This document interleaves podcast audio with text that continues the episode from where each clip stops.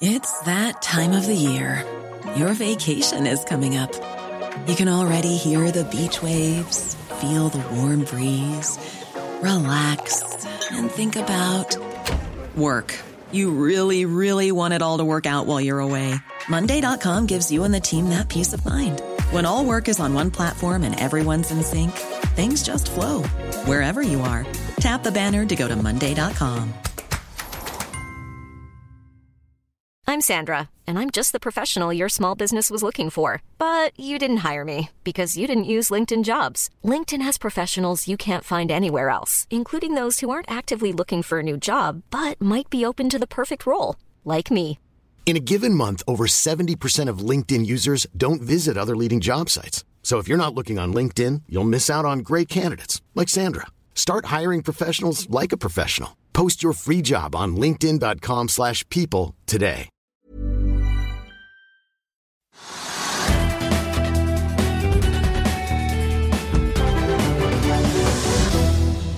Velkommen til dagens økonominyheter. Vi begynner her hjemme på Oslo Børs. Opp 0,6 i dag, Trygve. Det er store svingninger fra dag til dag. Ja, fordi at eh, markedet var ned eh, 1,3 i går. Og så er det da opp litt i dag. altså Halvparten er tatt igjen. Og det er mye uro. altså Man vet ikke hvilken retning markedet tar. Og jeg er jo da veldig opptatt av oljeprisen, jeg mener at den styrer mye av Oslo Børs. Oljeprisen i går var jo ned i 56 dollar fatet på Brenten. Og så var den oppe i dag igjen på 57-58. Og det, det brå skiftet, da, det fallet som er ganske stort, ganske betydelig, for det var jo da mange og 60 dollar per fat bare for et par uker siden. Og så var det nede på 56-tallet i går. Og eh, det markedet plutselig tenkte, var at eh, åh, når den snudde til 58 fra 56, da var det bare et midlertidig fall, eller et tilfeldig fall i går. Og så går man da inn i oljeaksjen, sånn som da Equinor og Aker BP. Aker BP opp nesten 2 og Equinor opp rundt en halv prosent. Så det er mer positive tendenser da i markedet pga. en oljepris som går opp og ned. Og tungvektere, som du nevner der. ja, men jeg har jo hele tiden sagt at ja, de siste ukene og lenge før det også, at jeg ser det slik at oljeprisen tenderer nedover fordi tilbudssiden er så stor. Altså USA produserer jo like, Saudi-Arabia produserer like mye nå som de gjorde før anlegget i Saudi-Arabia ble bombet. Like mye olje. og det er, Tilbudssiden er kjempestor. Amerika produserer masse. Til tross for at enkelte land ikke produserer noen ting i det hele tatt. Og så er det etterspørselssiden som mange frykter. fordi da, hvis verden går litt sakte, BNP-veksten blir lavere enn forventet, så vil det også være mindre behov for olje til både industri og transport. Så oljeprisen siger nedover, og det er ikke bra for Oslo Børs. Men allikevel er den litt opp i dag. Ja, og så har vi noen uh, høydepunkter også innenfor olje. Panoro Energy og BV Offshore, som da er solid opp i dag. Opp henholdsvis 6, nei, 8 og 6,5% akkurat nå. De har gjort et kjempefunn utenfor Gabon. Gabon, ja, Der har de sånne produksjonsskip, og så har de eierandeler i oljefelt. og De har da sier at de har funnet mer olje, og det har da ført aksjen opp 6 eller sånn. Ja. Så har vi Norwegian. Du må ikke glemme Norwegian har kommet med trafikktall. Ja. Take it away. ja, Norwegian følger vi ganske nøye, og det gjør jeg også. Og trafikktallene altså, de går jo alltid opp. ikke sant? Liksom de øker med 12-13% hver eneste måned. Men nå, denne gangen så kom tallene som viser at, at uh, trafikken er ned rundt 4% Så det er færre som reiser med Norwegian. Ikke veldig mange, men færre. Men så sier da selskapet, og det tror jeg er riktig, og det ville jeg også gjort, så har de da bedre inntjening. Altså da bedre balanse i flyet, bedre kapasitetsutnyttelse. Eh, Og yielden går opp, så det er bra. Så det, og kursen er vel da rundt 34-35 kroner. Ja, den er i hvert fall opp 2,2% står det 34,7 Ja, kroner akkurat Så, så Norwegian har, har da liksom, kan vise at det skjer noe av det de sier det skal skje, nemlig at mindre vekt legges da på å øke antall passasjerer i hele verden rundt, men mer vekt på inntjening og bedre yield. og det, det er det vist akkurat nå. da. Det er positivt, Men markedet syns ikke at markedet reagerer så veldig positivt. altså 2% opp er ikke veldig mye. Nei. Aqua Biotechnology ligger på topp og vinnerliste i dag. Ja, hva driver de med? 58 ja, det er det er et av dine småselskaper, tenker jeg. Hva er det de driver med? Nei, det er et av dine småselskaper, tenker jeg. De har i hvert fall gjort en Egypt-avtale. Det er Aqua Biotechnology. Det regner jeg med er et eh, slags type Aqua har noe med vann å gjøre, tenker jeg. Ja, eh, men kanskje noe legemiddel Jeg vet ikke, De har en eh, avtale de har gjort i Egypt, som du sier, men jeg kjenner ikke selskapet. Jeg har ikke sett på det, men aksjen er jo opp. Mye er den opp? Ja, den er opp 57,6 Ja, akkurat nå. det må da være fra et veldig lavt utgangspunkt, antar jeg. Det er ikke Ja, noen sånn den selskaper. Den står tunge i 3,2 kroner akkurat nå. Ja, det er ingen tunge, seriøse selskaper som da plutselig hopper opp 50 eller sånn. Sånn er det jo ikke. Nei. Nei. Ellers kan vi ta med at EMGS har meldt om kraftig oppgang i flåteutnyttelsen i tredje kvartal. De hadde jo da 29 i samme kvartal i fjor, og nå er de oppe i 73 Og Elementa opp 20 Ja, Hva skal Hvorfor vi det? si om det? Vi sier det samme som vi alltid sier.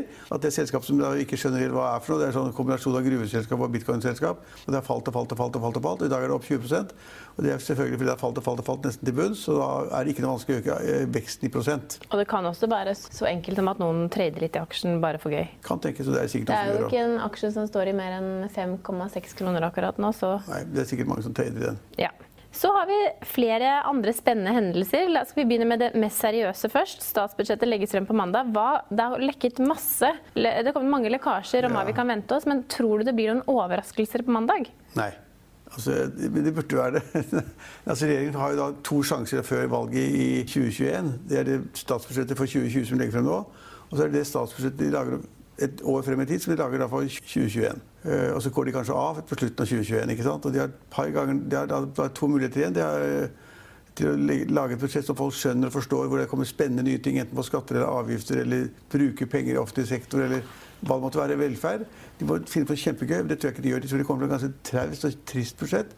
Og Finansdepartementet, for eksempel, da, med, finansminister Siv Jensen, hun, hun kom med sånne reguleringer opp og ned på de som har minst her i landet. Trygder og avgifter og alt mulig rart. og Skrur til og gjør til. Og skal gjøre alle ting litt vanskeligere for store grupper, og det tror jeg de bare kommer til å tape på. Så må, jeg mener at de burde komme med noen dristige, gode, spennende forslag som Aha! Denne regjeringen er kjempespennende. Det tror jeg ikke noe på. Nei, det har kommet noen lekkasjer. De vil redusere eiendomsskatten til 4 promille. Ja, nei, ja det, men det er en gammel politikk fra, fra Fremskrittspartiet og Jensen, og det er bra. Så de vil jo senke da eiendomsskatten, ta den bort helt. Det får de ikke helt til. Og så senker de da satsen fra 7, til, til 7 promille til 5 promille til 4 promille. Noen kommuner er litt frekke, sånn som i Oslo og andre steder. Når de ser at regjeringen senker satsen på eiendomsskatten, så reduserer de bunnfradraget. La oss si at bunnfradraget var 4 millioner. da. Så endrer det til 3 millioner. Det vil si at det er 1 million mindre å trekke fra. slik at da blir det mer å skatte av. Ja. Det er ikke smart. Det ikke bra. er ikke så hyggelig, kanskje. Nei, det er Men eh, samtidig så øker for de som har barn, så øker barnetrygden eh, med var det 3600 kroner i året for, barn opp til seks år. Vi kan si at det på skal brukes årsbasis, årsbasis eller månedsbasis? På månedsbasis. Da hadde man jo nesten gått i Blitt pluss. mer, blitt mer unger, da. Ja. 7 milliarder til klimatiltak. Ja. 700 millioner til Nysnø, som er dette fondet som skal investere i Sånn uh, for, fornybare, fornybare ja.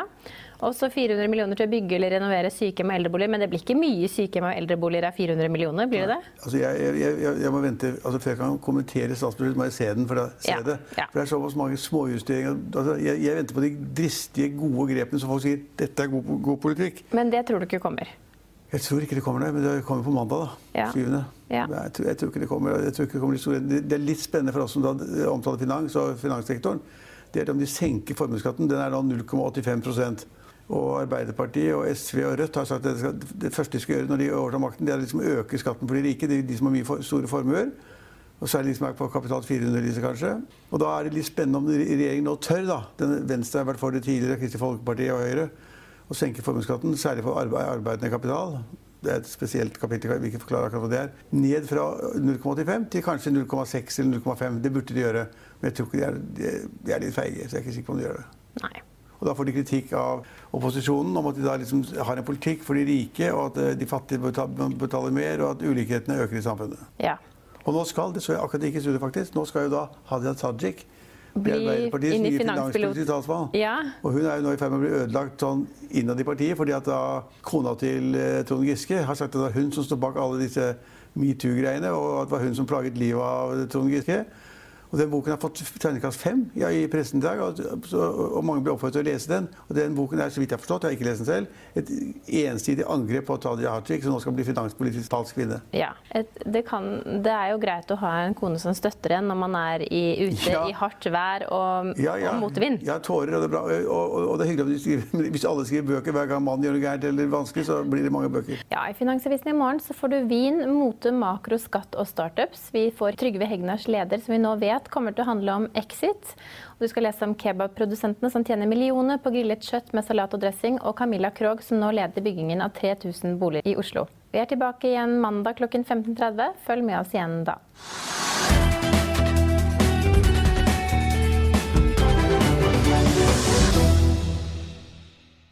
Økonominyhetene er en podkast fra Finansavisen. Programledere er Marius Lorentzen, Stein Ove Haugen og Benedikte Storm Bamvik. Produsenter er Lars Brenden Skram og Bashar Johar.